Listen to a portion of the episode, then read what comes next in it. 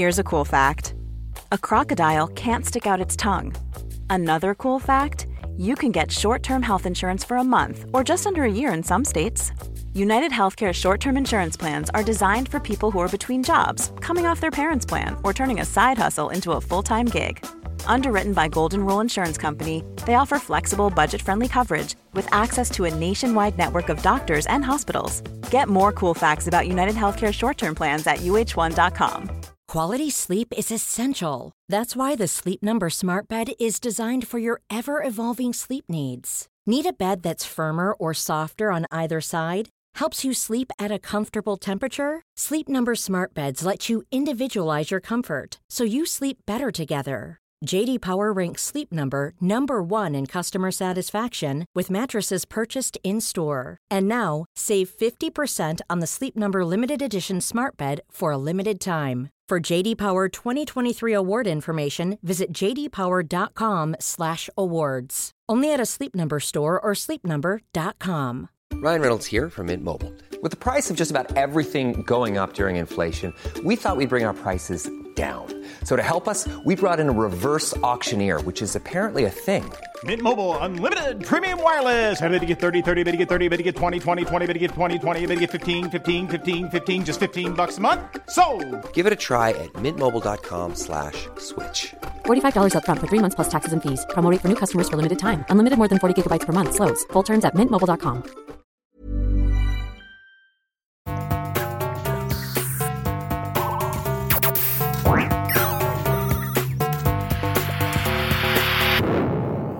Velkommen til Sinnsyn. Jeg heter Sondre Risom Livre, er psykolog, og dette er Webpsykologens podkast. Hverdagspsykologi for fagfolk og folk flest.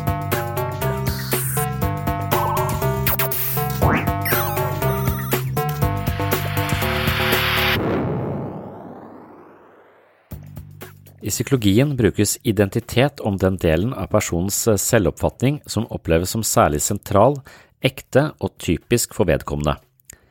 Å finne sin identitet vil si å danne et selvbilde man føler man kan akseptere og leve opp til, og så etablere en livsstil som svarer til dette bildet. Jeg holdt et innlegg på Psykologidagene i Trondheim 2. februar 2021. Jeg skulle snakke om identitetskriser, og da med fokus på de viktige identitetskrisene. Men hva er egentlig en viktig identitetskrise? Jeg mener det handler om å innse at man ikke er sånn som man tror, men snarere så mangfoldig at man aldri vil oppnå en særlig helhetlig vurdering av seg selv. I etterkant av foredraget dukket det opp et ganske interessant spørsmål. En av deltakerne på arrangementet skrev følgende. I en komplisert verden med ganske mange valg som må tas på daglig basis, finner jeg mye trygghet som ligger i et noenlunde klart og sammenhengende bilde av meg selv. Dette gjør at jeg ikke alltid må ta alle alternativer opp til vurdering og kan prioritere hvordan jeg investerer mine kognitive ressurser.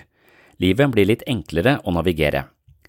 Det jeg lurer på, er hvordan du tenker man kan oppnå lignende trygghet uten at det nødvendigvis innebærer å lure seg selv eller å handle basert på en slags illusjon.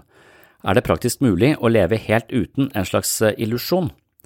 Å lytte til hver enkelt elev i klasserommet kan vel også bli utmattende hvis alle skal bli hørt til enhver tid, og da refererer han til et bilde som jeg bruker på vårt indre liv som et klasserom, hvor det er masse stemmer som snakker i munnen på hverandre og vil bli hørt og har en mening om alt som foregår i dette klasserommet, alt som foregår på utsiden av det klasserommet, og det å da ha god psykisk helse handler om å ha kontroll på disse stemmene, høre på disse stemmene, men også skjære igjennom og lage en ganske sånn konkret plan på hvor man skal og hvordan man skal lytte til de ulike stemmene, sånn at alle føler seg hørt og forstått, men alle kan jo ikke heller få lov til å bestemme. Så det å ha god psykisk helse kan ligne litt på å kunne ha en viss oversikt over sine indre stemmer og være denne læreren med en slags naturlig autoritet som lytter til folk, har respekt for de stemmene som dukker opp, men likevel også har en slags myndighet til å skjære ut en, en kurs, sånn at det ikke blir bare kaos, og at man har eh, en ganske tydelig vei å gå.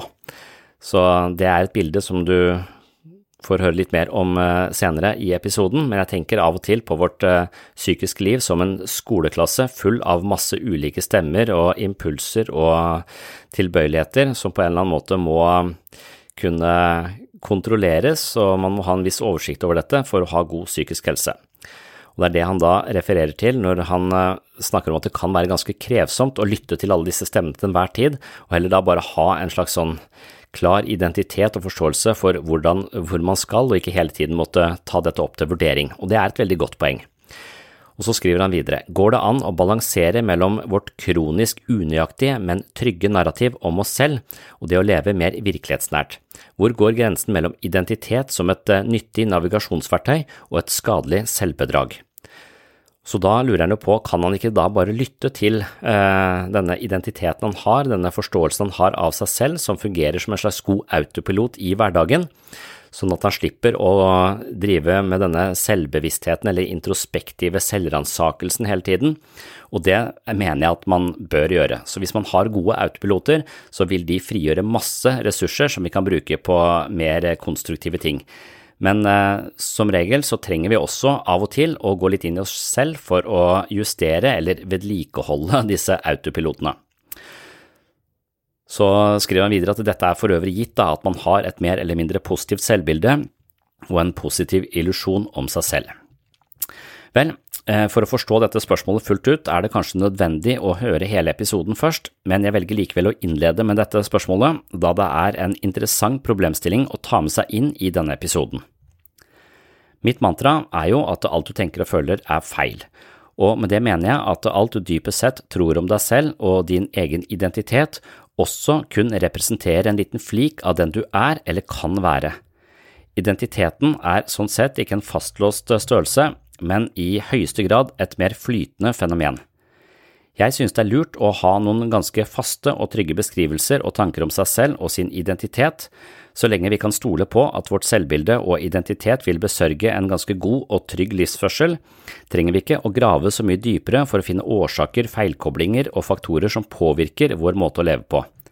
Men likevel tror jeg at den måten vi lever på, i et uendelig stort univers med uendelig mange måter å leve på, ikke nødvendigvis er den mest optimale Eh, måten å forvalte livet sitt på, men siden vi har en fast strategi, så er det jo da fordelen at det frigjør eh, mye mental kapasitet. Det, autopiloten vår frigjør denne mentale energien vi da kan bruke på andre ting.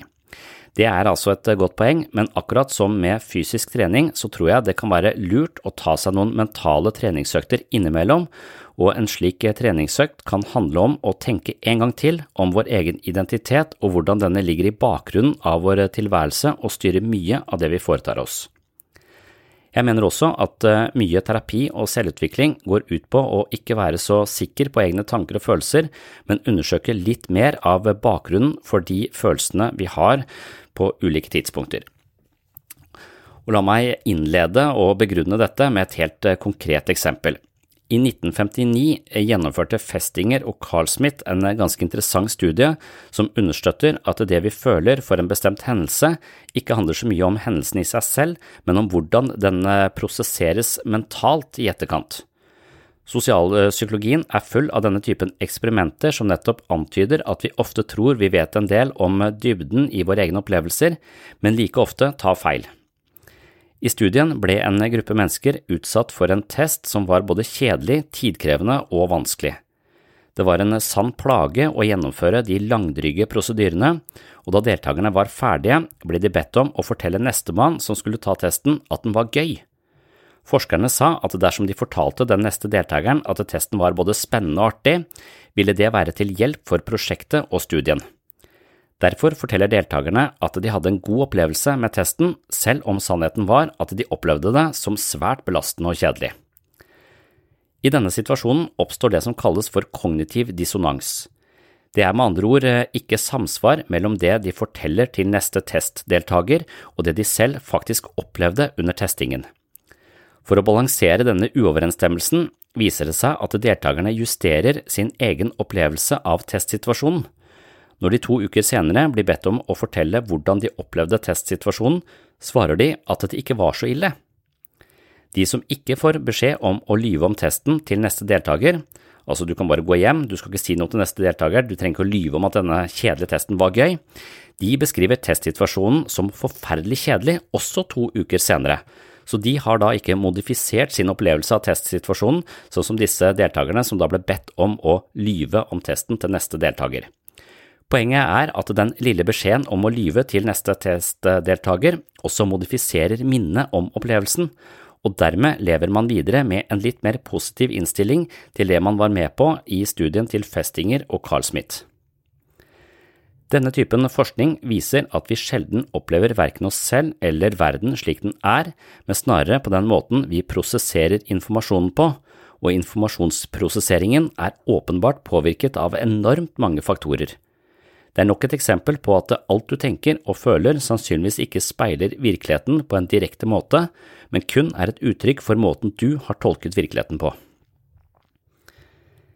I slike situasjoner kan man kanskje gå inn i seg selv for å utlede en mer sannferdig vurdering av sine egne opplevelser, altså det vi kaller for introspeksjon, men også vår egen introspektive undersøkelse av oss selv er beheftet med forvrengninger og feilskjær. Et studie fra 1993, arrangert av McFarland Ross og de Corville, demonstrerer dette på en ganske fiffig måte. Forskerne fikk en større gruppe damer til å skrive en ganske detaljert rapport om sine plager og opplevelser under menstruasjon. De skrev daglige rapporter som forskerne samlet inn. I etterkant ble de intervjua og fikk beskjed om å gjenkalle sine erfaringer fra forrige menstruasjon, og her må de altså rapportere om egne følelser og plager fra en situasjon som nå er forbi. Det viser seg at deltakerne i studien i etterkant beskriver smertene under forrige menstruasjon som mer smertefulle enn de egentlig var. Det vil si at eh, deres egne beskrivelser i etterkant ikke matcher vurderingene de selv gjorde underveis. Forskerne tror at denne forskjellen handler om at eh, vår felles oppfatning, eller eh, kulturelle narrativ knytta til menstruasjon, beskriver dette som en ganske ubeleilig og plagsom affære, og at deltakerne er preget av disse generelle oppfattelsene når de skal gjenkalle og beskrive sine egne opplevelser. Igjen ser vi at eh, våre forsøk på å drive en form for introspeksjon og selvransakelse heller ikke er en spesielt farbar vei for en mer oppriktig innsikt i oss selv, da den introspektive teknikken også er påvirket av masse faktorer vi i liten grad er klar over. Dagens episode skal igjen handle om identitet, og hvordan vår forståelse av oss selv og vårt indre liv, våre muligheter, verdier og karakteristiske trekk ikke er en fastlåst eh, størrelse, men snarere noe vi kan utlede og forstå på stadig mer nyanserte måter. Selvutvikling handler om å utvide vår indre horisont, og når vi ser mer og samtidig innser vårt eh, tidligere trangsyn, kan det oppleves som en slags eh, krise. Og I denne episoden kaller jeg det en identitetskrise. Velkommen til en ny episode av Sinnssyn, og i dag er det Ally Wainhold som introduserer problematikken.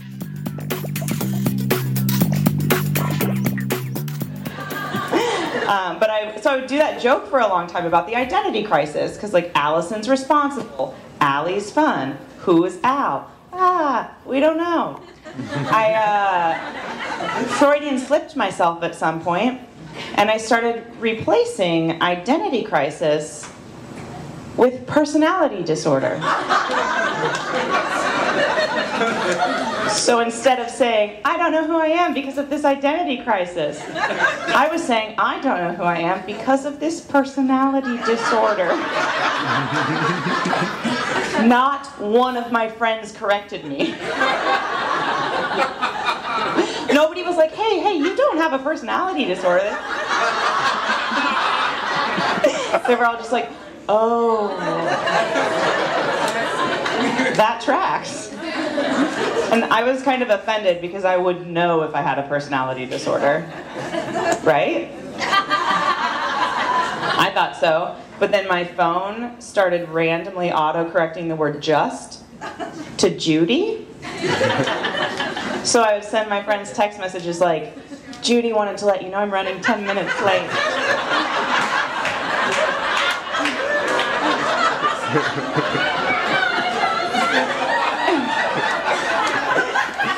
And they'd be like, "Hey, um, who's Judy?" I was like, "I really hope autocorrect." um, no, I'm not crazy, but I've learned the hard way that the more you try to make a case for your own sanity, it really backfires. It's sort of like I hate drama. Like, if you feel the need to say it, it's probably not true. so that's why I don't tell people that I'm not crazy.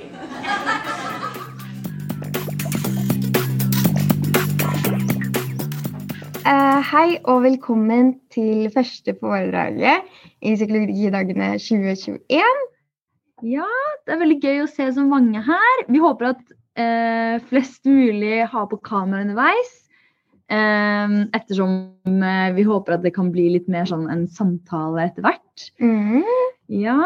ja, vi gleder oss masse til dette foredraget med Sondre Risholm Liverød, også kjent som webpsykologen Eh, og også kjent fra podkasten Sinnsyn. I dag så skal han da snakke om temaet identitetskrise.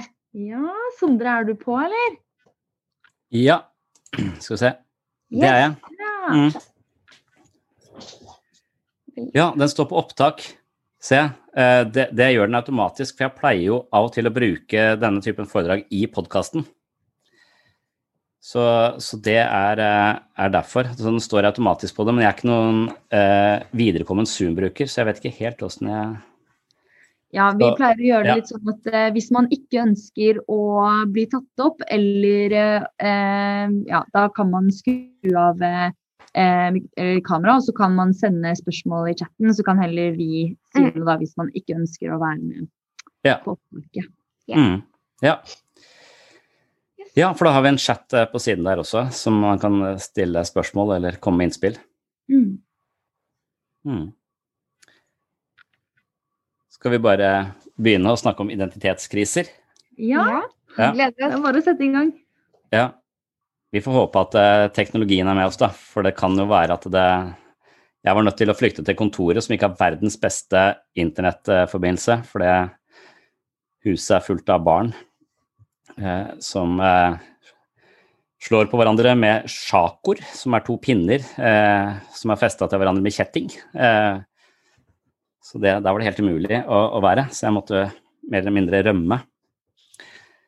Eh, Men eh, jeg fikk jo denne forespørselen for en stund siden. da, Kan du snakke om eh, ja, Jeg vet ikke om vi diskuterte tematikken, jeg husker ikke helt, men det var identitetskriser. Og så husker jeg da at jeg hadde en klar idé om hva jeg skulle prate om, og så hadde jeg glemt det litt igjen. Så jeg måtte spørre en kollega på morgenen i dag hva han tenkte om identitetskriser. Hva er en identitetskrise? Og da sa han at han er, vel, han er en sånn psykoanalytiker, men han Altså at identitetskrise, det er hvis at du har jobba tre år for en kjønnsskifteoperasjon og endelig får eh, gjennomslag eh, og opereres på Rikshospitalet, og to uker seinere så får du enda en aha-opplevelse om at du egentlig var en mann likevel. Men nå plutselig, altså du, du var i utgangspunktet en, eh, en kvinne i en mannekropp. Du får en kjønnsskifteoperasjon og blir da en kvinne og kommer i riktig kropp, men får en ny aha-opplevelse om at du faktisk var en mann likevel. Og da ligger penisen din i en bioavfallsdunk på Rikshospitalet. Det er identitetskrise, eh, sa han. Eh, og det er jeg på en måte enig i, men vi skulle jo ikke snakke om at eh, den typen identitetskrise, vi skulle snakke om de positive identitetskrisene, eller, eh, eller si, identitetskriser betyr vel at vi, vi må utvide forståelsen eller innsnevre forståelsen av hvem vi er. Så jeg tror det er eh, mulig å ha identitetskriser hvor man snevrer inn og blir mer rigid eh, og får en litt snevrere forståelse av hvem man er, og en litt mer eh, trang forståelse av hvem man er. Og så tenker jeg den, mer, eh, den, den identitetskrisen som man ønsker og legger opp til i psykisk helsevern f.eks., det er en slags utvidelse av vår selvforståelse, hvor vi er nødt til å forlate noen litt sånn fastlåste ideer om hva som konstituerer meg som person, til fordel for noen litt større perspektiver. Og det er ikke alltid så lett, da. Det å forlate og, og, innse at det jeg trodde uh, jeg var, det viser seg å være uh, noe annet, eller uh, noe i tillegg. Så, så, det jeg vel egentlig har tenkt å, å, prøve å snakke om, det er vel litt det som jeg Den innsikten jeg tror de fleste prøver å mane frem i terapi og mane frem hos seg selv og minne seg selv på. Og, og, jeg oppsummerer det i at alt du tenker og føler er feil. Det har vært min måte å, å hva skal jeg si, bare, Det er den setningen jeg sier oftest da, til folk, at alt du tenker og føler er feil. Og det er jo litt fordi at uh, man ikke skal ha en så uh, fastlåst idé om hvem man er. For det jeg vil påstå at eh, identitet eller personlighet, sånne begreper som flyter litt over i hverandre. Og så er, er han litt sånn flytende eh, karakter. Og når vi tror vi vet hvorfor vi gjør noe, eller hvem vi er, så er det bare en liten brøkdel av eh, alle de faktorene som ligger bak vår atferd eller vår motivasjon eller eh, måten vi oppfører oss på i ulike, ulike settinger. Så, så det, det, jeg kunne starte, starte, med, det var kanskje å snakke litt om min egen eh, identitetskrise. En av de, jeg har hatt uh, mange, men en av de kom med denne filmen som heter uh, 'Turisten'. Jeg tror jeg snakket om sist jeg var i Trondheim også, for jeg tror det er litt av samme tema. Men tu 'Turisten' eh, er en film av Ruben Østlund. Og jeg vet ikke om dere har sett den, jeg tror den heter 'False Major' på, på engelsk. Men i hvert fall så er det en, en, en far som er med familien sin på, i Alpene, tror jeg, på sånn skiferie. Jeg har akkurat vært på skiferie med min familie, derfor kom denne uh, filmen tilbake til meg. Uh, men da var jeg på Brokke, et lite skisted hvor det ikke går noe snøskred. Men i denne filmen 'Turisten' da, så, det, så må de av og til skyte i fjellene sånn at snøskredene går, sånn at de er kontrollerte. Da. Så sitter denne familiefaren på, på en restaurant, de tar seg en pause uh, fra skigåinga, og så sitter de der og drikker cola. Han har to barn og en kone og seg selv. Og så ser de at eh, det går et snøras ganske langt borte, men etter hvert så ser de at dette snøraset kommer bare nærmere og nærmere, så det er en sånn vegg av snø som bare møter de. Og, og etter hvert så skjønner de at dette her treffer jo oss. Eh, dette her er jo farlig, dette her er ikke kontrollert. Og det han faren gjør da, det er at han tar lua si og mobiltelefonen og løper. Eh, mens moren tar barna en i hver armkrok, bare legger seg ned, og så kommer snøen over dem. Men så kommer det bare sånn lite lett snølag over dem, da, og faren har da stikket av. Så, og så når dette er over, så reiser de seg opp, børster av seg snøen, og da kommer faren tilbake igjen. Eh, og hele den filmen handler om den dårlige stemninga som da har oppstått eh, etter at faren bare stakk. Og idet jeg ser det, og ser denne reaksjonen, denne panikkreaksjonen han har, hvor han bare stikker fra barna sine, så må jeg pause filmen, og så må jeg spørre kona mi du, sånn hadde vel ikke jeg gjort? Og så bruker hun litt lang tid på å svare. Hun tenker seg om. Eh, som om hun tviler litt på ja, kanskje du faktisk eller, så, så, jeg ville bare Nei, selvfølgelig hadde ikke du Du hadde jo redda barna, du hadde jo redda oss. Altså, du, hadde vært, du hadde vært med på Vi hadde tatt hvert vårt barn og løpt. Du hadde ikke tatt mobiltelefonen din og løpt. Det, så, eh, for, for, jeg vet ikke, jeg elsker mobiltelefonen min høyere enn jeg elsker eh, barna mine. Jeg er mer avhengig av mobiltelefonen min enn jeg er av barna mine. Det er i hvert fall eh, sikkert. Men jeg håper jeg hadde redda, eh, redda barna mine. Men man kan jo liksom aldri vite, da. Eh, så, og, og, det skaker litt ved denne identiteten. Hvem er jeg? Er jeg en pappa som vil redde barna sine, eller er jeg en sånn feig fyr som stikker av og lar barna sine i stikken? Eh, og det veit jeg jo ikke, for jeg har ikke vært i den situasjonen. Så jeg håper på et, eh, et sånn eh, snøras, så jeg kan få sjekka dette ut, for jeg er litt opptatt av det. Og nå er jeg ganske sikker på at jeg hadde tatt med meg barna, for jeg, jeg tenker på det så mye. Uh, og, det er jo kanskje en måte å, å forme seg selv på, og, og, hele tiden sørge for at man er bevisst i sånne, sånne situasjoner. Men folk har litt forskjellig intuisjon om hva dette, hva dette, vil si. Altså, er denne faren Vil denne handlingen faren gjør, er det det som eh, konstituerer han som menneske, eller er det Eh, eller, eller, har ikke dette noe å si fordi han handlet i panikk? Så hvis han hadde fått tenkt seg om, så hadde han tatt med seg barna. Er det når vi tenker oss om, uh, og, og får lov til å tenke oss om, er det det som utgjør den vi er, eller er det det vi gjør når vi ikke får lov til uh, å, å, tenke oss om? Og Det er et sånt spørsmål eh, som, som, handler litt om vår identitet og, og personlighet, hva vi tror om, om oss selv. Så jeg, et, etter jeg har sett den filmen, så har jeg dykka litt mer ned i dette. Altså, er jeg, er jeg god, altså, min identitet, da, er jeg en god person? Er jeg en person som vil redde andre mennesker, eller er jeg en person som er egoistisk og bare vil redde meg sjøl? Uh, eh, og det er jeg bekymra for. Uh, så, uh, så, jeg leste en studie som heter John Dairley og Daniel Bateson om dette her. Og de hadde forsket på teologistudenter. Uh, og De hadde satt opp en sånn studie hvor de, uh, ba disse, eller de fortalte disse uh, nei, teologistudentene en etter en da, at vet du hva, du skal nå presentere en rapport i nabobygningen her så du må gå over der og presentere denne rapporten. Og noen av de fikk da vite at de hadde god tid, bare gå over og forberede deg. men på veien da, til denne, dette foredraget så møtte de da, så var det en skuespiller som lå på bakken og var skada. Og da er spørsmålet hva gjør disse teologistudentene når de går forbi en mann som åpenbart trenger hjelp? Og da viste det seg at 63% av de teologistudentene de stoppet opp og hjalp denne, denne mannen. Men i en litt annet oppsett, hvor, hvor de får eh, beskjed om at eh, du må holde denne, dette foredraget, og du er allerede seint ute. Så de må løpe ut og komme seg over i andre, eh, andre bygningen.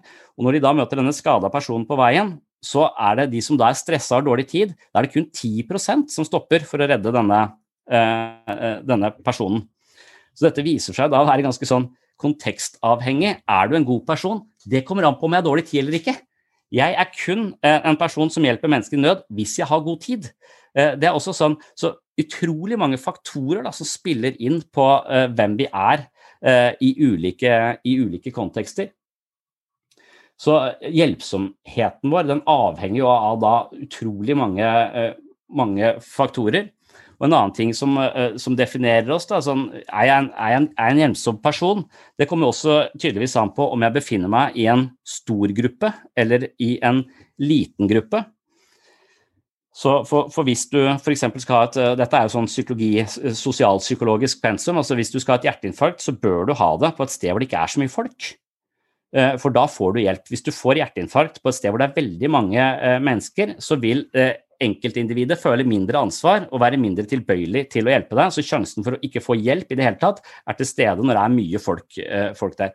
Så er jeg, er jeg, en hjelpsom person, er jeg en person som vil redde de menneskene som er i nød rundt meg. Det kommer også an på hvor mange andre mennesker som er, er i, samme, i, samme, område. Så, så, alle disse tingene vi da tror om oss selv og kanskje tenker at jeg er en hjelpsom person, det er jo jammen ikke så sikkert. Så det å uh, begynne å tvile litt uh, på dette og begynne å undersøke dette, det tror jeg er det jeg kaller uh, sinnssyn, da, og som jeg har fra han Daniel Siegel, som kaller det mindsight. Altså, vi er nødt til å undersøke disse tingene. Vi er nødt til å, og, og gå i oss selv og begynne å vurdere og, og kanskje ta opp til være litt mer bevisst alle de små valgene og finne ut litt mer av hva som styrer eh, atferden vår eh, og, og, og, måten vi, eh, vi, er på i, forhold, eh, møte med andre. Så, så, enda en sånn studie jeg fant fram til i forhold til dette med om jeg er en, en, en god person, det er hvis du går eh, knask eller knep eh, og, og, kommer til en dør hvor du får beskjed om å ta én godteriting, og så han som da har godteriet, han går da tilbake inn, mens du skal gå og da ta én godteriting. Hvis du er eh, da alene, og denne personen sier navnet ditt, så tar du bare én ting.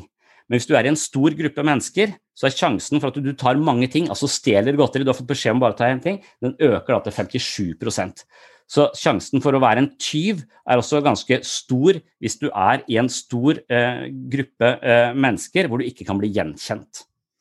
Mens i en mindre gruppe eh, mennesker så, så, kan man si at det, hvis du utsetter mennesker for en, eh, for en, test i et rom eh, hvor det er muligheter for å jukse, så vil de være mer tilbøyelig til å jukse eh, i et rom som er helt nøytralt. Men hvis du henger opp et bilde av en person med noen øyne som ser på deg, så er sjansen for at du jukser mindre.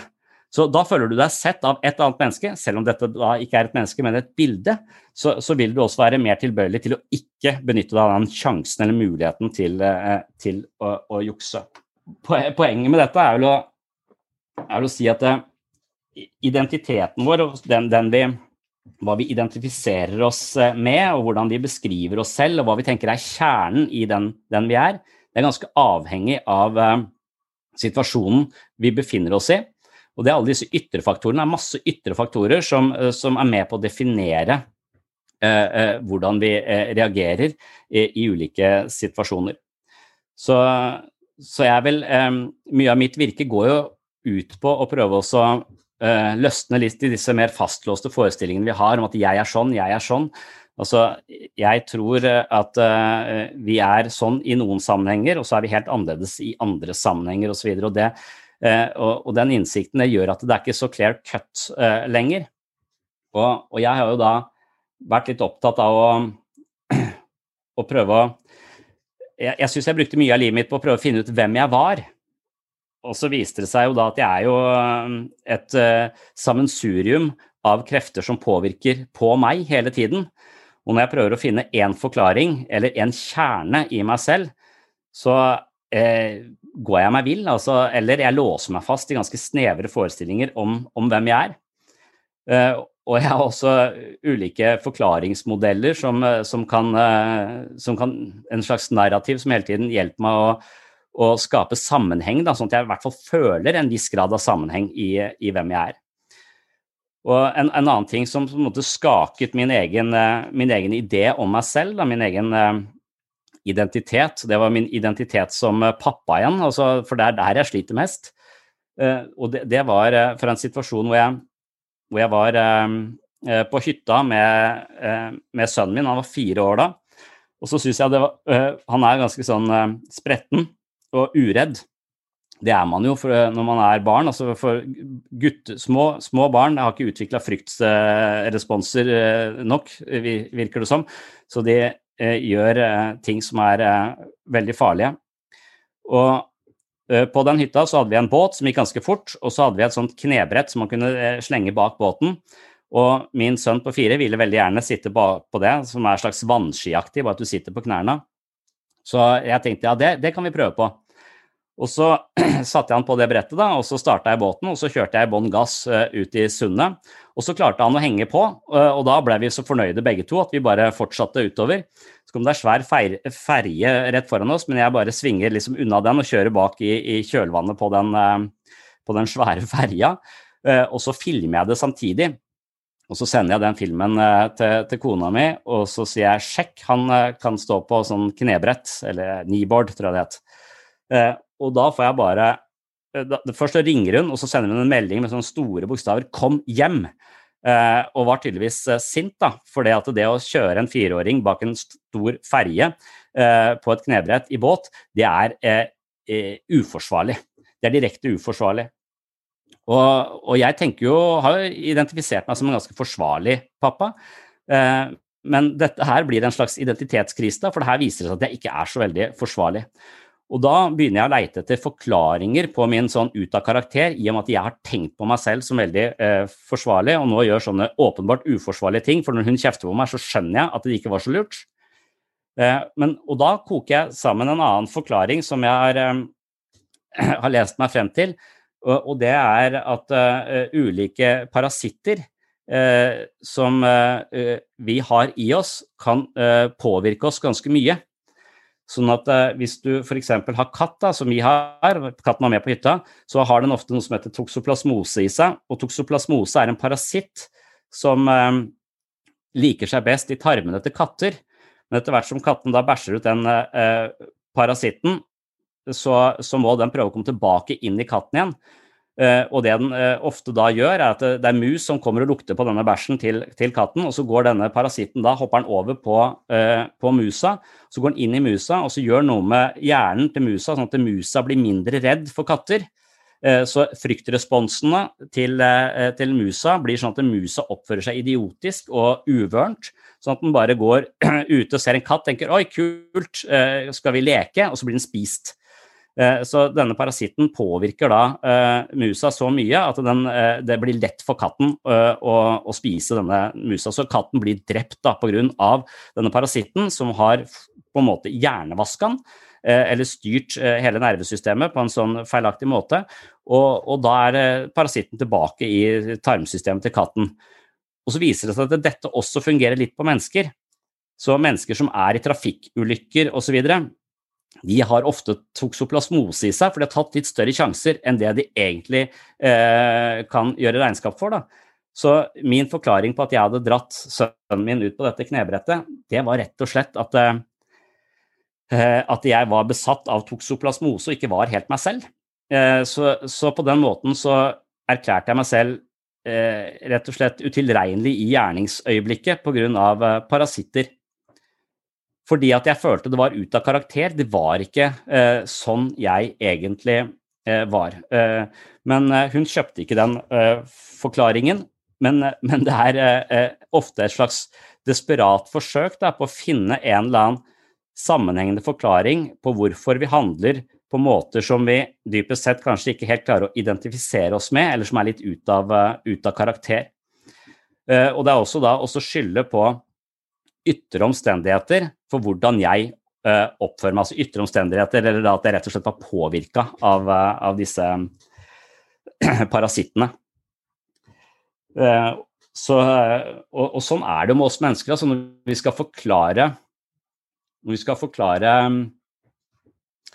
andre menneskers atferd og alt det de gjør som er idiotisk, så uh, forklarer vi det ut ifra karaktertrekk, personligheten og personligheten deres. Mens når vi skal forklare hvorfor vi selv gjør ting, så forklarer vi det ut ifra omstendigheter. Så, så, så, man tenker at uh, jeg ringte ikke opp uh, på den telefonsamtalen fordi jeg hadde tre møter i dag og var så opptatt. Mens jeg tenkte at han ringer ikke opp fordi han er en glemsom person. Så jeg vil anklage andre for, for det de gjør for, på karakter, og på meg selv på, uh, på, omstendigheter. Det er ganske en sånn naturlig eh, ting vi, eh, vi, driver med. Så når det da handler om identitet eller personlighet osv., så, så, videre, så er det jo alle de tingene som vi tenker er typisk oss, alle de tingene som vi tenker definerer oss, og som er mer eller mindre faste over eh, over tid. Hei, ser at du har skrevet et spørsmål her. Så ja. du det? Mm. Ja, jeg ser det. Du trakk fram noen eksempler på sosiale settinger der enkelte faktorer inhiberer eller fremkaller atferd. Hva tenker du om forholdet mellom konformitet og identitet? Kan konformitet bli en eh, flaskehals i prosessen av å utforme eller eh, forstå ens egen identitet, eller kan det handle i tråd med konformitet like gjerne være ens ens identitet. Ja.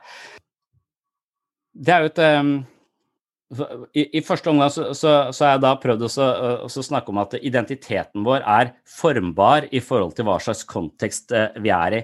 Og jeg tror også at andre menneskers syn på oss, altså måten vi blir sett på, eh, vil påvirke identiteten vår. Så, og identitet, til forskjell fra personlighet altså Jeg blander de begrepene, for jeg er ikke noe sånn typisk akademiker, så jeg er ikke sånn veldig opptatt av å skille de fra hverandre heller. Jeg tenker bare på summen av det jeg tenker er meg, som vil da påvirkes. Så, og, så jeg tror nok at eh, ytre omstendigheter og den kraften som virker på oss fra samfunnet eller fra uh, våre venner og bekjente osv. hele tiden er med på å, uh, å, skyve oss i litt ulike retninger på ulike parametere av det vi identifiserer som pers personligheten vår. Så, så et eksempel uh, som, ble, som, jeg husker jeg leste om i en sånn personlighetsbok, handler om en fyr som bodde i Italia og var, eh, identifiserte seg som italiener. Han var patriot. Jeg er italiener, så jeg identifiserer meg med landet mitt.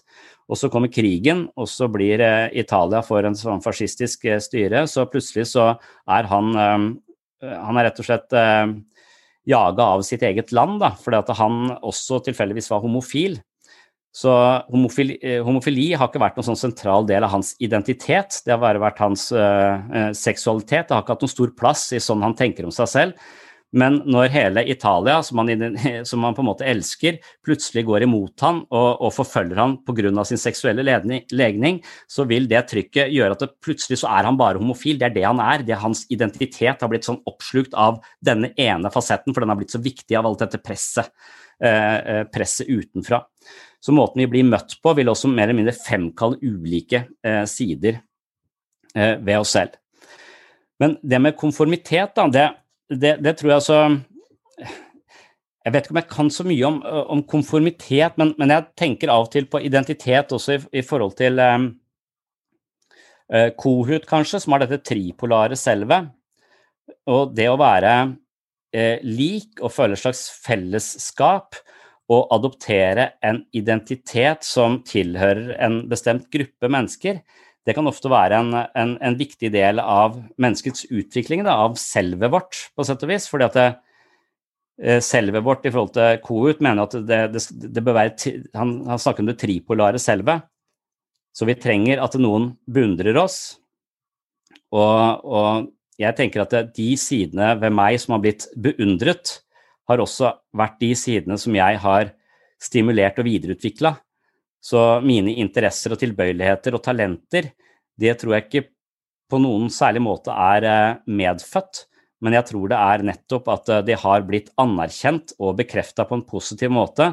At det har vært med på at jeg har videreutvikla de sidene ved meg selv. Jeg tenker f.eks. sånn om det at jeg elsker å skrive, det tror jeg handler om at jeg på et eller annet tidspunkt fikk publisert en novelle i et eller annet ungdomsblad på ungdomsskolen.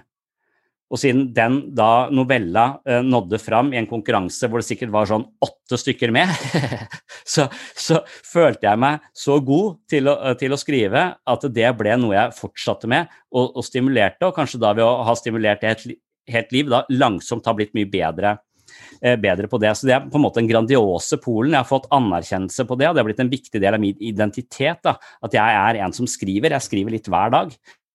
Um, så, så, det er den grandiose Polen. Og, og, så har du også den, den, um, den mer idealiserende Polen, at vi, at vi, har noen vi ser opp til og identifiserer oss med. Så min identitet vil også være liksom preget av forbildene mine. Da. De, de menneskene jeg har fulgt etter og prøvd å bli litt som. Og det har vært ganske sånn uh, hva skal man si, det har vært ganske sånn tydelig i mitt liv at det er enkelte mennesker jeg har fulgt etter. De vet ikke at jeg har fulgt etter dem. Så jeg har stalka de, men jeg har ikke stalka de på noen annen måte enn at jeg har lest alt de har skrevet, og jeg har hørt alt de har sagt, og jeg har eh, hørt det igjen og igjen. Jeg har hatt noen sånne mennesker uh, i, i, livet mitt som jeg virkelig har fulgt, en som heter Ken Wilberg, blant annet. Uh, så jeg har sånn samlede verker bak meg på, på kontoret her, signert samlede verker av en sånn fyr som jeg i etterkant ser er en sånn slags litt sånn sjaman-guru-aktig alternativ New Age-type. Eh, men som likevel lærte meg så utrolig mye. da. Men jeg fulgte etter han veldig lenge, likte han veldig godt, og så på et eller annet tidspunkt så, så gikk jeg en annen vei.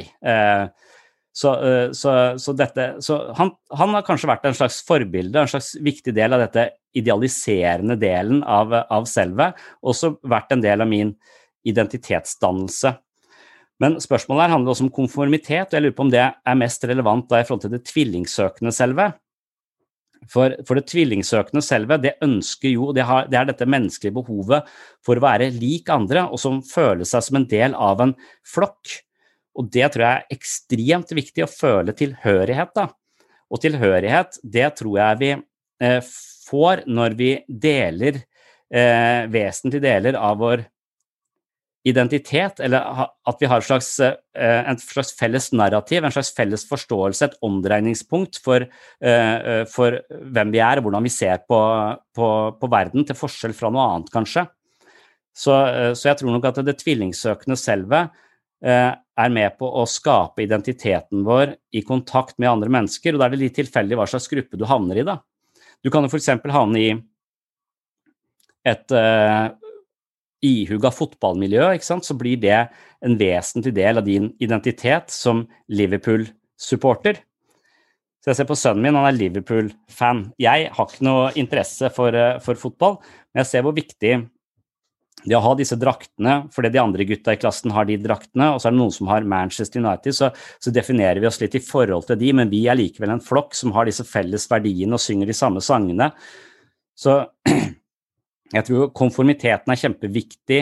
Altså det, å, det å bli litt lik og, og, og, føle seg som del av flokken, det er, viktig, det er en viktig del av utviklinga vår, og det er også en veldig sånn identitetsdannende um, del av det å, å, å, bli voksen.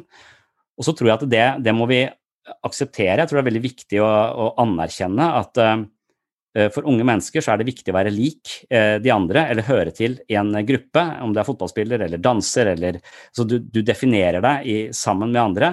Og da, blir du, da prøver du litt kanskje å være en litt sånn kopi, eller du prøver liksom å være noe annet enn det som Det kan, det kan høres litt sånn fake-aktig ut, men jeg tror ikke det er fake. Jeg tror bare det er en del av dannelsesprosessen. Og så tror jeg vi kan risikere å havne i miljøer hvor vi blir en del av en gruppe som vi langsomt ser at uh, har et slags snevert perspektiv på medlemmene, kanskje på andre mennesker, på verden for øvrig. Sånn at du, du, lander der, du blir dette, men på et eller annet tidspunkt så kan du også klare å løsrive deg fra det hvis det ikke er et godt sted uh, å være. Så jeg tror det er også at konformiteten kan være bra hvis det er et positivt prosjekt og du blir en del av denne gruppa, men så må du også på et eller annet tidspunkt løsrive deg fra det. Jeg vet ikke om jeg svarte på det spørsmålet. Altså, er hva, hva, er egentlig spørsmålet? Altså, flaskehalsen i prosessen av å utforme eller forstå ens egen identitet? Eller kan det å handle i tråd med konformitet like gjerne være ens, ens identitet? Så nettopp så Jeg tror ikke at uh, jeg kan finne meg selv. Jeg, jeg, sånn jeg har vært opptatt av selvhjelpslitteratur, så, så er det noen uh, ideer innenfor psykologi som sier at det, du, må finne, du må finne deg selv. Som om det er et eller annet gjemt inni deg som er deg. Men jeg, mer, jeg tenker at vi har noen, noen utgangspunkt, noen preferanser eh, og noen eh, talenter og noen medfødte tilbøyeligheter som det kanskje er lurt å spille på lag med. Men jeg tror i ganske mye større grad at eh, vi har muligheten til å forme oss selv. Så istedenfor å finne oss selv, så tror jeg kanskje det er et vel så, eh, så relevant perspektiv å prøve å skape seg selv og bli den personen man ønsker å være også litt i tråd med disse ulike polene i dette selve. Da. At man eh, f.eks. ved ved å skrive én setning, så er man ikke en forfatter, men man har lagt inn en slags aksje i det å identifisere seg som en som skriver. Og hvis jeg gjør det hver dag, så blir det langsomt en del av meg. Og den Ja. Uh, jeg, jeg er jo blitt presset på, på, en måte, Det er ikke min idé at skriving og det er, har høy verdi. Det er fordi at uh, faren min er lærer, ikke sant? Så, så, han har gitt det mye verdi. Og i hans, når det fikk mye verdi, og i hans, i hans, verden så overtok jeg på en måte det. Jeg ble litt som han overtok de verdiene, og så ble det langsomt mine egne. Så så, så, det er eh, Jeg er klar over eh, hvor jeg har det fra, og jeg er klar over at det, det, er installert i meg. Og jeg har nå tatt eierskap til det, og det er en viktig del av meg. En positiv eh, del av meg. Så like viktig tror jeg det er å, å altså, Når jeg snakker om disse ytre forholdene, så snakker jeg litt sånn atferdspsykologisk om det. Og det er jo egentlig ikke det jeg er mest opptatt av. Jeg syns bare det er interessant at det er alle disse ytre kreftene som også er med på å forme eh, den vi er som menneske. Og, og det tvillingsøkende selve, vår, eh, vårt behov for å være del av en flokk, det kan også ofte gå på kompromiss med noen andre ting, eller skyve ut noen andre ting. Så vi går på kompromiss med egne eh, verdier, og da kan, noen, eh, kan, det oppstå noen konflikter eh, som vi er nødt til å finne løsninger på. Og hele livet handler vel om å løse sånne type, type konflikter.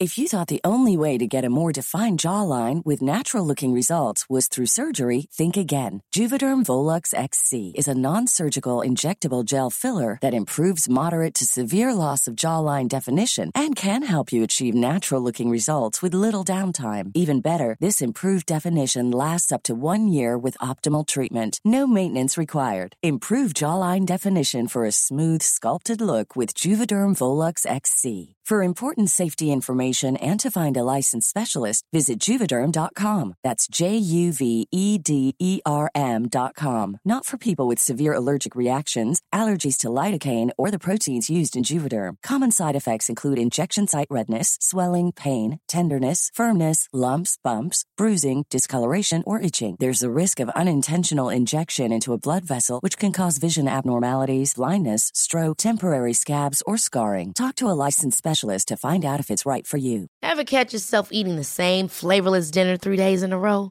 Dreaming of something better? Well, HelloFresh is your guilt free dream come true, baby. It's me, Gigi Palmer. Let's wake up those taste buds with hot, juicy pecan crusted chicken or garlic butter shrimp scampi. Mm. Hello Fresh. Stop dreaming of all the delicious possibilities and dig in at HelloFresh.com. Let's get this dinner party started. A lot can happen in three years, like a chatbot may be your new best friend. But what won't change? Needing health insurance. United Healthcare Tri Term Medical Plans, underwritten by Golden Rule Insurance Company, offer flexible, budget friendly coverage that lasts nearly three years in some states. Learn more at uh1.com. Hvordan, eh, hvordan eh, jobber dere med det i terapien? Eh, altså, føler du at du ofte spesifikt jobber med identitetsproblematikk, eh, liksom, eller er det noe som går igjennom nesten all type problematikk?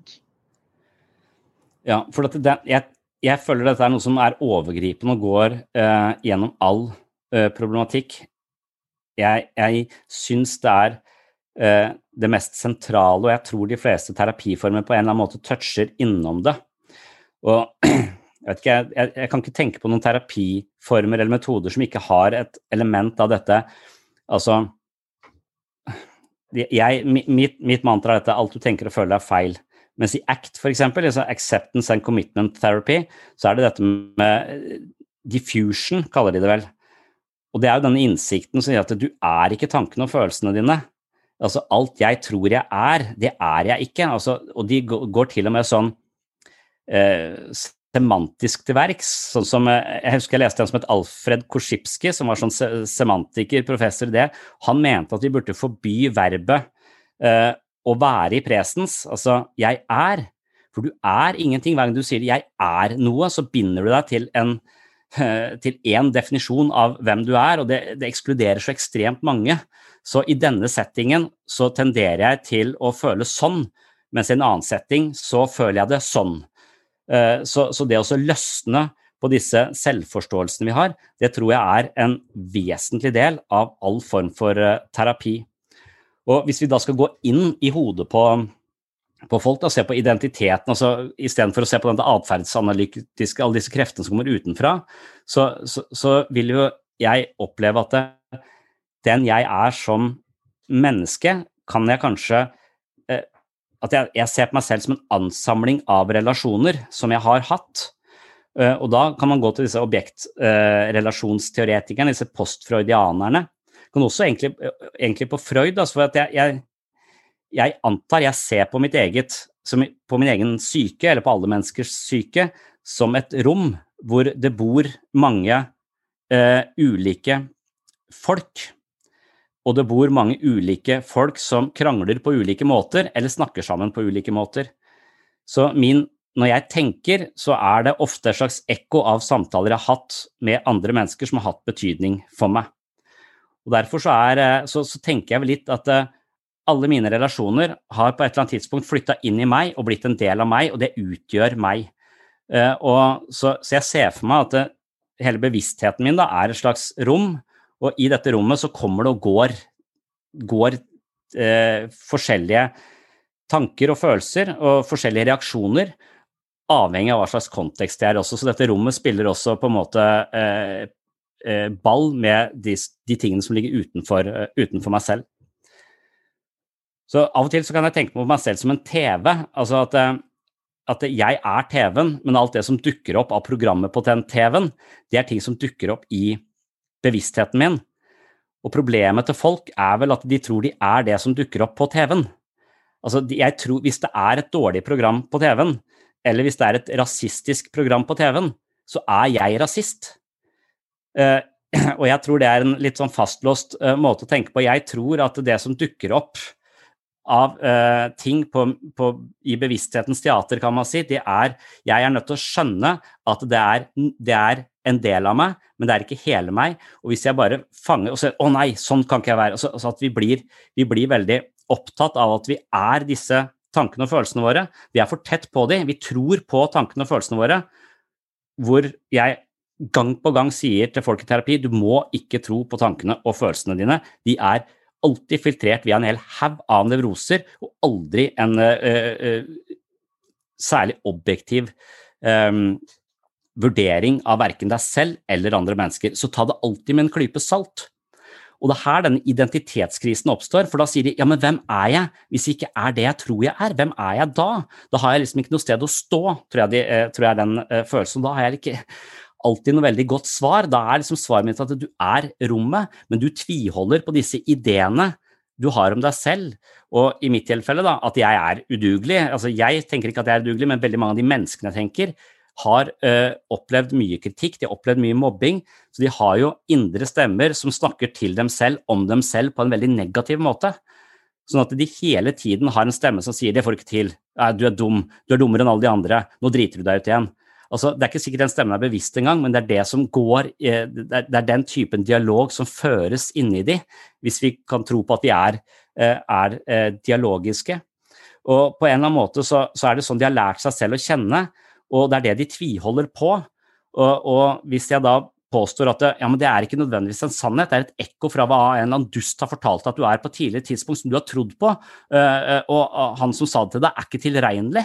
Han hadde masse issues som han prøvde å, lempe over på deg. Han prøvde å tråkke på deg for å føle seg litt bedre. Og når du plutselig tatt det som din egen sannhet, din identitet, som du har fått av en annen som hadde behov for å tråkke på deg for å føle seg litt bedre, så, så at de har de ideene og tro på de, det er, det er hele, hele, terapiprosjektet går jo da ut på å gi slipp på den ideen.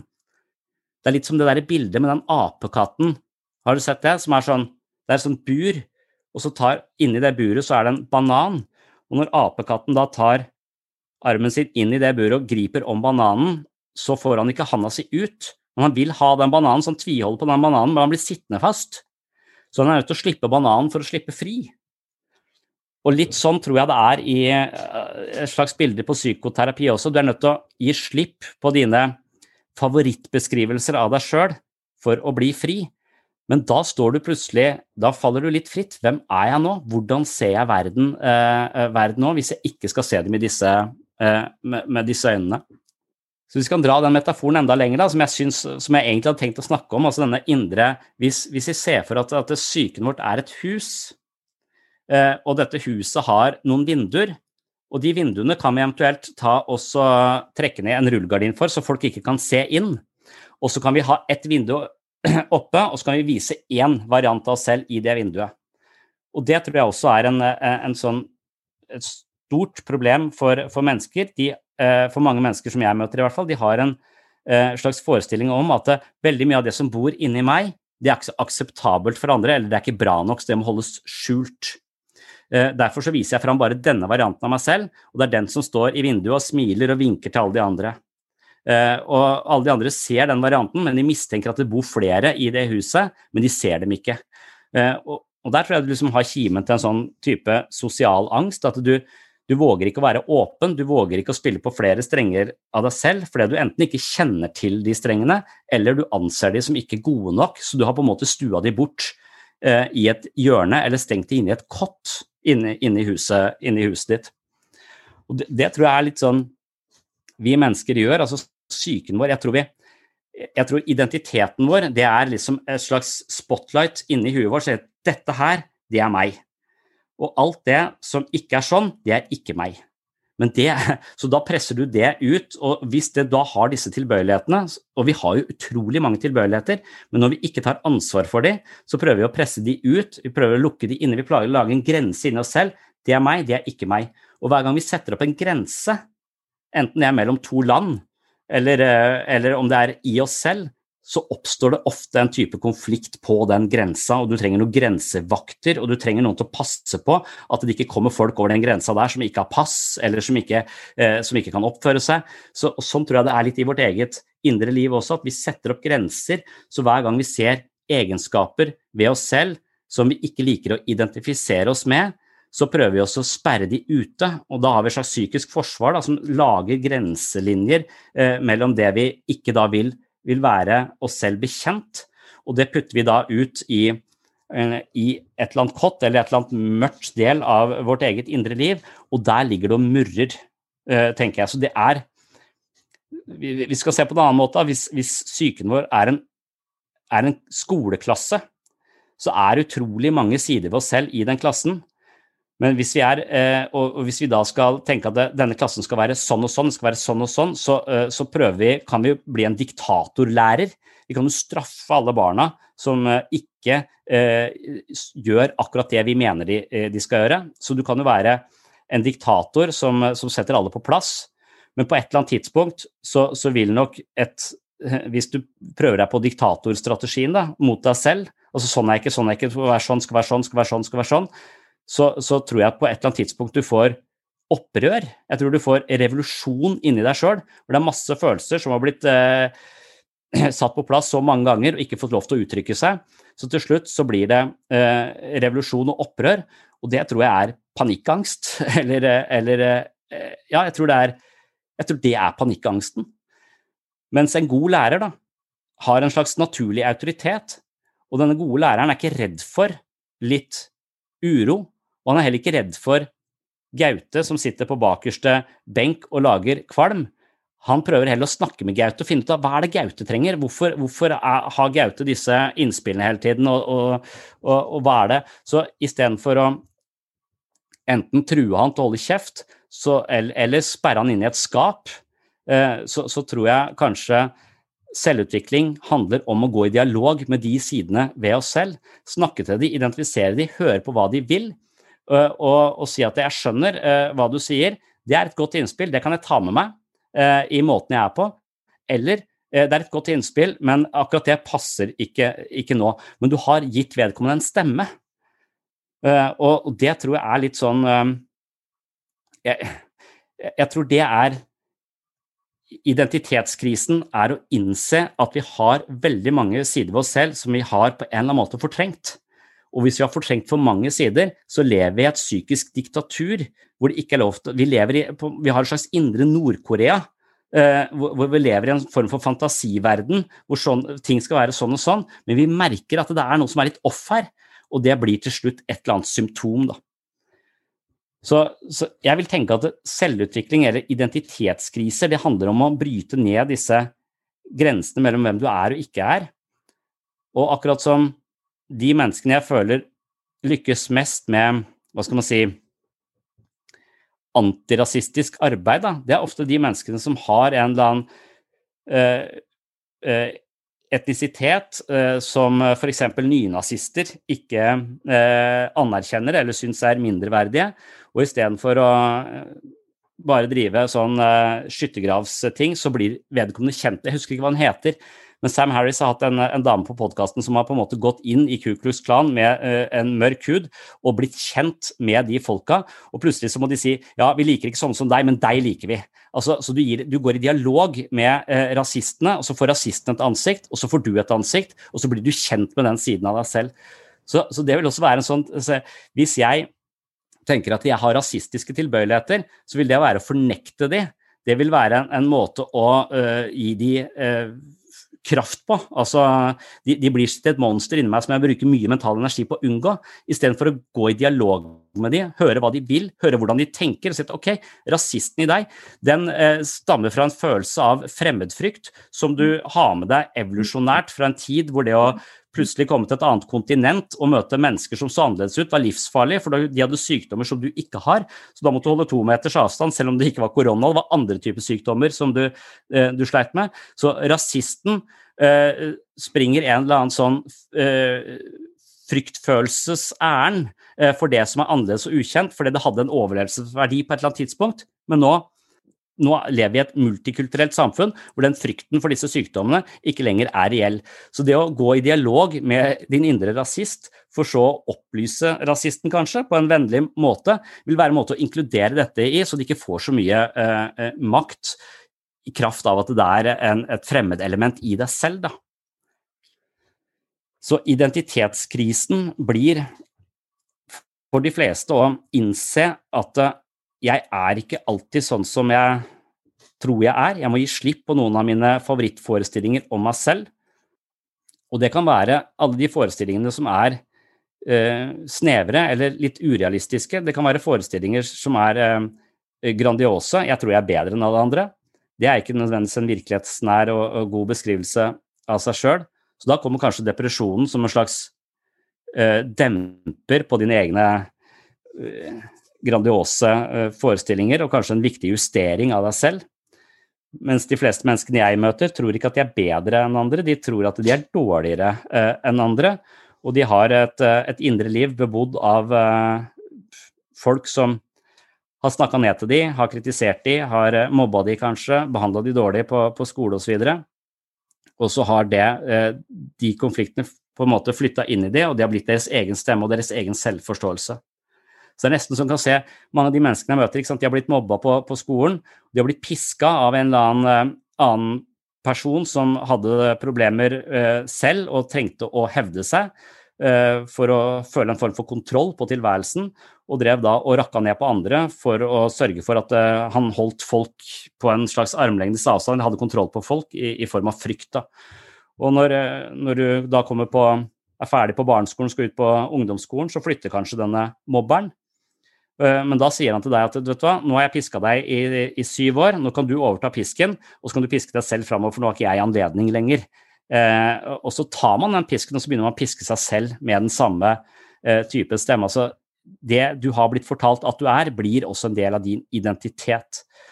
Og Derfor så har jeg belegg for å si at alt du tenker og føler, er i beste fall bare litt riktig det at du har så mange negative ideer om, uh, om, deg selv, det har du fra et eller annet. Det er ofte et ekko. Og det er ulike typer objektrelasjoner. Det er meg og den andre som nå har blitt en del av mitt indre psykiske liv og strukturene i mitt, uh, mitt psykiske liv. Og Det å skape en slags forståelse i disse relasjonene, det er kanskje det Freud også kalte komplekser. da. Altså noen, noen relasjoner er vanskelige, og vi løser de.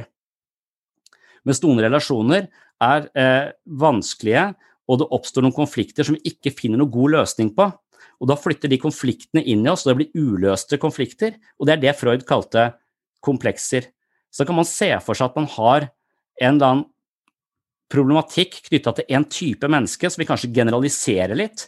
Kanskje det er jevnaldrende vi har problemer. Vi har veldig gode relasjoner til folk som er yngre enn oss, eldre enn oss, motsatt kjønn osv. Men samme kjønn, samme alder, der har vi eh, et eller annet uavklart, et eller annet, et eller annet kompleks som flytta inn. Så når vi omgås den typen eh, eh mennesker, så dukker dette indre eh, uavklarte komplekset eh, opp inni oss, og så utspiller det seg på nytt i møte med dette andre mennesket. Så tilskriver vi dette andre mennesket masse egenskaper som det kanskje ikke nødvendigvis har, fordi at vi, vi på en eller annen måte utspiller vårt indre psykiske drama i møte med det andre. Og da, da kan man se for seg at dette må ha en slags relasjonsforstyrrelse eller tilknytningsforstyrrelse eller personlighetsforstyrrelse kan være ganske kontekstspesifikt. Vi kan omgås og ha gode relasjoner til mange, og så er det noen typer som, som ikke klarer å ha den, eh, den typen eh, eh, relasjon til. Så, så, så, det tror jeg kanskje er en måte at vi også er fullt av disse kompleksene. Og det å rydde opp i de eh, kompleksene, det er også en del av terapien, spesielt gruppeterapien. Altså, det også Hvis du kommer i gruppeterapi her og skikkelig misliker meg, så har du et veldig godt utgangspunkt. Da har vi mye å lære. Altså, det er de personene i gruppeterapi som jeg umiddelbart ikke klarer å tenke de der svinger jeg ikke med i det hele tatt. åh, den personen der kan jeg ikke fordra. Det å gå videre der og undersøke det, for, for, det at jeg får så sterke følelser for noen, det betyr ofte at det har en betydning for meg. Det er et eller annet som er uavklart der, det er et eller annet jeg ikke har forstått. Og det å klare å rydde opp i den konflikten til det mennesket, å lære meg å like det mennesket kan også være å lære seg å løse den konflikten som bodde i meg, så jeg, et, eh, jeg får mindre konflikt inni meg fordi jeg løser denne konflikten i møte med et annet, eh, et annet menneske. Det er på en måte gruppeterapiens verktøy, da, å, å, å, se på hvordan disse tingene som bor inni oss eh, og, og, jeg har også sagt at jeg, jeg bruker mye humor og, og standup-komikere, og, og jeg, jeg, er opptatt av sånne karakterkomikere også, uh, norske, fordi at jeg, jeg syns ofte de setter sider som også bor i meg selv, som jeg ikke kan fordra, på spissen. Så når Kevin Vågenes sitter i parterapi, så tenker jeg du er ikke et uh, opplyst menneske hvis ikke du kjenner deg igjen i noen av de karakterene. Så, altså, eller du er i hvert fall et ganske sånn Jeg tror ikke du har så mye selvinnsikt hvis ikke du kjenner deg litt igjen i de. Men idet du ser de karakterene på utsiden av deg selv, og du kjenner igjen de samme tendensene, den passivt aggressive trekket til han der som skal selge huset fordi han må slutte i jobben fordi han er mer sammen med barna, fordi hun, kona nevner en lite Ja, du kunne kanskje vært litt mer sammen med barna, så blir helt, liksom, gå helt i lås. Og så ha et snev av de, av, av de trekkene. Det å se de foran meg, det gjør at jeg kan få et litt annet forhold til de. Jeg kan av og til like disse karakterene, jeg kan inkludere de, de får en stemme, de får et ansikt. Og når jeg da senere kommer i situasjonen hvor jeg merker at jeg er passivt aggressiv på den måten, så dukker dette opp, det, det blir synlig for meg. Uh, sånn at jeg, jeg, kan av og til Så jeg tror jeg bevisst bruker sånne type karakterer for å på en måte speile meg selv og, og kunne se, uh, se, dette for å utvide. For, for, min identitet er jo ikke å være passivt aggressiv. Men så lenge jeg ikke anerkjenner min egen passiv aggressivitet, så, så, lever jeg med masse eh, forsvarsverk som sørger for at jeg holder de sidene av meg selv ute, og vil, jeg vil ikke ha de, ha de ehm, eh, som en del av meg. Eh, men det å da våge å integrere de som en del av meg, eie de, ta ansvar for de, så vil de ikke kunne tuppe meg i ræva i, i, i, neste sving. Da vil jeg kunne eie de, jeg har de, og da, da vil de heller ikke uh, komme til å spille seg ut bak min rygg, på en måte, uten at jeg er oppmerksom på det. Så identitetskrisen, altså som jeg pleier å sitere Kirkegård på det, altså hvis du ikke våger å miste fotfestet, så vil du miste deg sjøl. Og det å tviholde på, en, eh, på, at jeg er sånn og sånn og sånn, og sånn, da har du som regel et indre liv fullt av masse sperrelinjer eh, og sider ved deg selv som du ikke makter å, å, se i øynene. Og psykoterapi er jo ofte å se nettopp de sidene i øynene og integrere, eh, integrere de, de, sidene. Ja, det var ikke noen flere spørsmål eh, der, eh, men eh, kanskje det er noen spørsmål? Kanskje det er noen som har lyst til å komme med noe innspill nå? Vi ser at det er noen som har foreslått uh, at det er Daryl Davis, han som du snakket om fra Sam Harris-podkasten. Okay. hmm.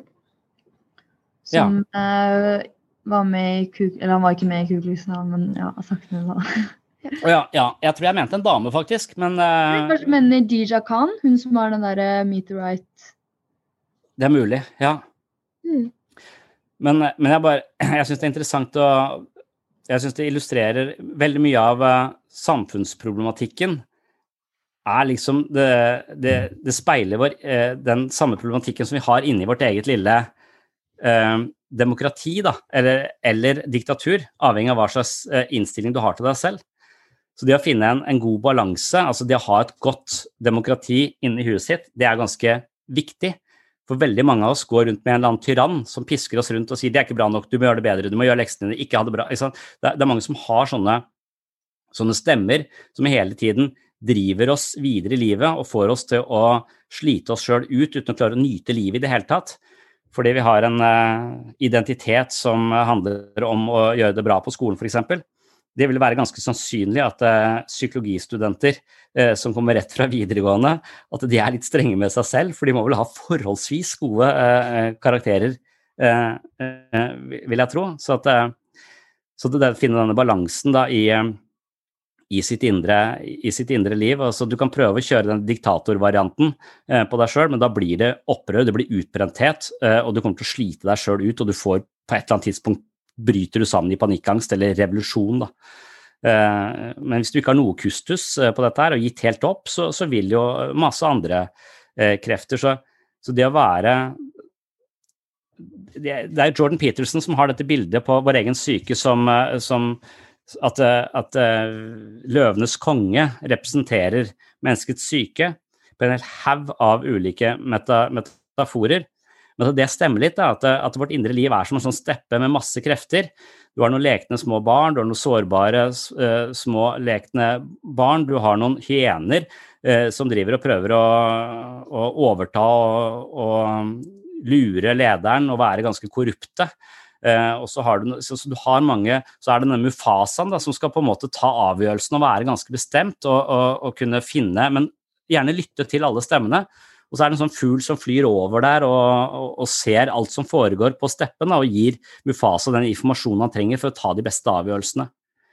Og det å se på sitt eget indre liv som nettopp mange, mange stemmer som taler ulike perspektiver, og noen av det er de direkte destruktive, mens andre er, er viktige å lytte til. Så hvis du har hatt gode relasjoner, så har de som regel flytta inn i deg, og så utgjør de et ganske sånn solid struktur.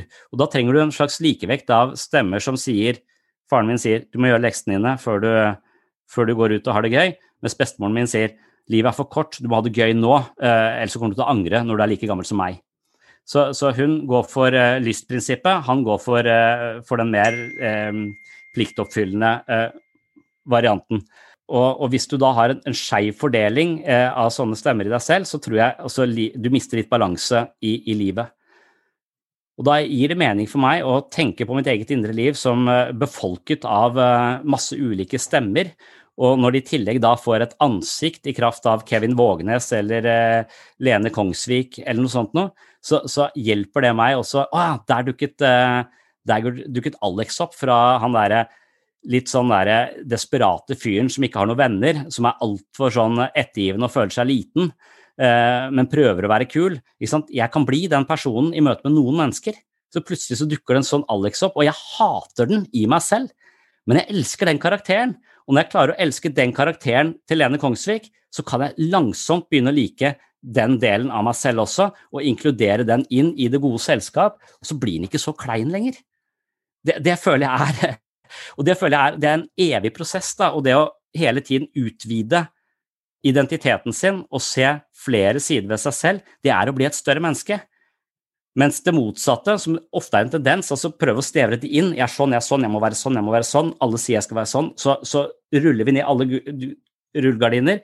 Vi, vi sitter nesten som en sånn Og noen mennesker har jo på en måte vokst opp på, den, eh, på, på, det viset at de har hele tiden vært nødt til å monitorere hva skjer rundt meg, hva føler pappa nå, er han sint, er han ikke sint, kan jeg si noe? De har brukt så mye tid på å kikke ut av vinduet og ikke inn i seg selv, så de aner ikke hva som bor inni dem selv engang. Og dermed så er de som, som i Platons hule, altså de, de, de, aner ikke noen som når du spør dem hva har du lyst til å gjøre, så er svaret jeg vet ikke, for jeg har aldri kjent etter på mine egne følelser og, eh, og behov. Så da kommer mentaliseringsevne inn i bildet. Jeg tror at mentaliseringsevne handler om å ha et veldig godt overblikk over alle de som bor på alle de elevene i din indre skoleklasse kjenne hver enkelt elev, hatt konferansetime med alle sammen. Eh, og så dukker det stadig opp nye elever, det kommer nye kull, så du må ha nye konferansetimer. Du bør hele tiden holde på å og være i dialog med dette. Det er den ene siden av mentaliseringsevne. Det handler om å forstå sitt eget indre, indre liv. Den andre siden den handler om å monitorere andre og forstå andre fra innsiden. Hvorfor gjør de sånn som de gjør? Altså forstå at det også bor en hel haug av skoleelever bak dette andre, andre mennesket. Og jeg tror at det å være så gjennomsiktig som mulig, det å våge å ha eh, hva skal vi si, vinduene, eller ha ikke ha gardiner for alle vinduene, men være litt åpen om at alle disse sidene bor i meg. Og når jeg kommer og møter deg, så har jeg denne, jeg har denne og jeg har denne. Og så sier de ja, du vet hva, en sånn usikker en har jeg også, kanskje de to har lyst til å leke? Så bonder man på en måte i sin åpenhet med andre mennesker. Hvis du da møter et menneske som er veldig utrygt, så kan det være at de sier ha-ha, han er dum, uh, og så vil de nekte å vise deg. Det er det du risikerer. Du risikerer den derre å vise deg sårbar og åpen, og så er det noen som utnytter det eller ler av det fordi at de ikke makter å se på sin egen tilsvarende sårbarhet, for den har de stemt inne i et kott. Men hvis du møter andre med en viss grad av åpenhet og er interessert i sider ved deg selv, så, så tror jeg andre også sier ja, vet du hva, nå skal du se, sånn er det også inni meg. Og så tror jeg det skaper åpenheten, kan skape ganske nære eh, bånd og en ny mulighet til å da bli, bli eh, kjent med seg selv. Og Det er nok derfor psykoterapien også handler om også veldig mye handler om å skape gode relasjoner, trygge relasjoner, hvor det er mulig å ta for litt flere gardiner. At jeg, jeg er av den oppfatning at jeg også må ha, være forholdsvis gjennomsiktig for å være en sparingspartner da for, for et annet menneske og for å være i en gruppe. Så jeg må hele tiden være åpen for at alt jeg sier, kan komme fra en eller annen korrupt uh, uh, side med meg selv som jeg ikke har noe særlig kontakt med. Så når jeg plutselig får sterke følelser for noen som jeg ikke forstår, så er jeg veldig interessert i hva slags konflikt som nå plutselig har, har gjort seg gjeldende inni meg i møte med dette mennesket. Og da er jeg litt forsiktig med hva jeg sier. For da vet jeg at nå er det et eller annet som koker i meg. Jeg må først finne ut av dette, dette før jeg eventuelt går i dialog med denne, denne personen, i hvert fall hvis jeg er eh, forbanna eller irritert osv. Da, da, da er det impulskontrollen som kommer inn i bildet, som jeg har i terapeutrollen, men som jeg mangler privat. For det er som om jeg er så bevisst i rollen som terapeut og er så undersøkende hele tiden og nysgjerrig istedenfor Når jeg blir sint, så er jeg ikke sånn Faen, nå skal jeg vise deg hva som er riktig. Jeg er sint, så jeg, Oi, det er en interessant reaksjon på dette mennesket. Jeg, jeg, jeg, tror hvis du klarer å møte dine egne følelser med nysgjerrighet istedenfor utagering, så har du kommet jæklig langt. Da er du også i fugleperspektivet. Du ser ah, nå er det de henene der borte som kommer til å lure deg til å tro at han skal overta, og han truer deg på et eller annet eh, maskulinitet som du er usikker på, og så bla, bla, bla. Og der er det, Hvis du ikke klarer å finne ut av det sjøl, eh, hvis du ikke har mentaliseringsevne, men du har de fuglene som flyr hos deg, er høner, så de, de kan du ikke lette i det hele tatt, de har ingen oversikt. De går bare ned på bakken der, ser ingenting så må du ha en veileder som kan løfte det blikket for deg. Så Det er derfor vi som psykologer ofte har eh, eh, obligatorisk veiledning i hvert fall de fem første åra. For det er den fuglen som skal fly litt over ikke sant? Og, og klare å integrere flere sider i oss selv som, eh, som terapeut. Ja, Det har vært utrolig spennende å få høre litt om uh, dine tanker rundt det her. Jeg Mm. tror uh, alle kan jo kjenne seg igjen i det, Ja. i mye av det her. Veldig mange morsomme anekdoter. Skulle gøy å få høre. Mm. Er det noen som har noen flere spørsmål, eller, før vi runder av? Så er det bare å skru av mikrofonen og si noe hvis man uh, har noe. Eller sende melding i chat.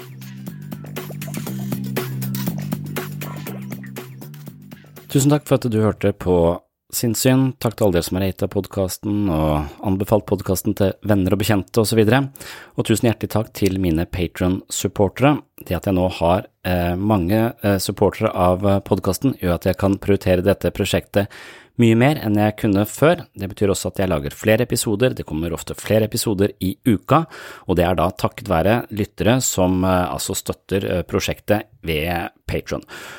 Og hvis du ønsker å være blant de, så er det mulig å gå inn på patron.com for seg sinnssyn og tegne et abonnement på mitt mentale treningsstudio. På den måten så støtter du prosjektet, samtidig som du får ganske masse ekstra materiale. Der er det masse episoder av uh, sinnssyn uh, som ikke publiseres andre steder, du finner videomateriell, du finner uh, blant annet Selvfølelsens psykologi som lydbok, og etter hvert flere av mine bøker som lydbok, etter hvert som jeg leser de inn der sånn. Så for å takke for støtten, så kommer det altså en del ekstramateriale til de som da har et abonnement på patron.com for segs sinnssyn.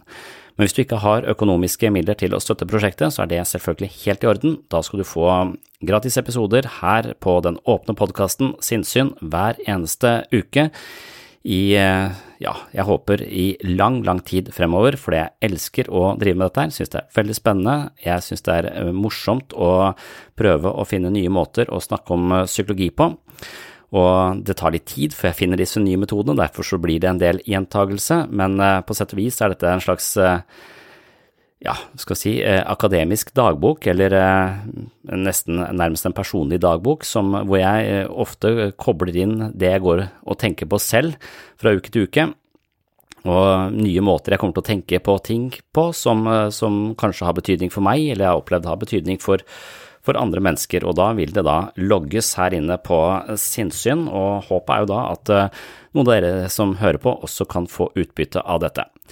Tusen takk for følget. Uh, og ja, ikke noe mer å si. Ny episode om ikke så mange dager. På gjenhør.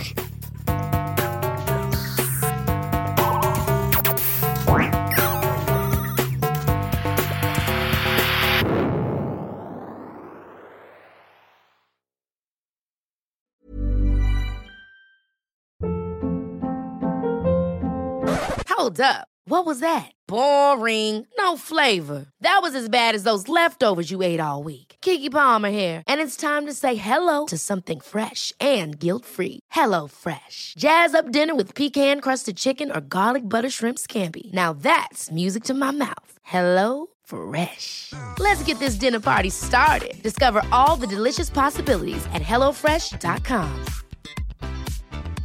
Hey, it's Paige DeSorbo from Giggly Squad. High quality fashion without the price tag. Say hello to Quince. I'm snagging high-end essentials like cozy cashmere sweaters, sleek leather jackets, fine jewelry, and so much more. With Quince being 50 to 80% less than similar brands. And they partner with factories that prioritize safe, ethical, and responsible manufacturing. I love that. Luxury quality within reach. Go to quince.com slash style to get free shipping and 365 day returns on your next order. Quince.com slash style. Imagine the softest sheets you've ever felt. Now imagine them getting even softer over time. That's what you'll feel with Bowl and Branch's organic cotton sheets. In a recent customer survey, 96% replied that Bowl and Branch sheets get softer with every wash. Start getting your best night's sleep in these sheets that get softer and softer for years to come. Try their sheets with a 30-night guarantee. Plus, get 15% off your first order at bowlandbranch.com. Code BUTTERY. Exclusions apply. See site for details.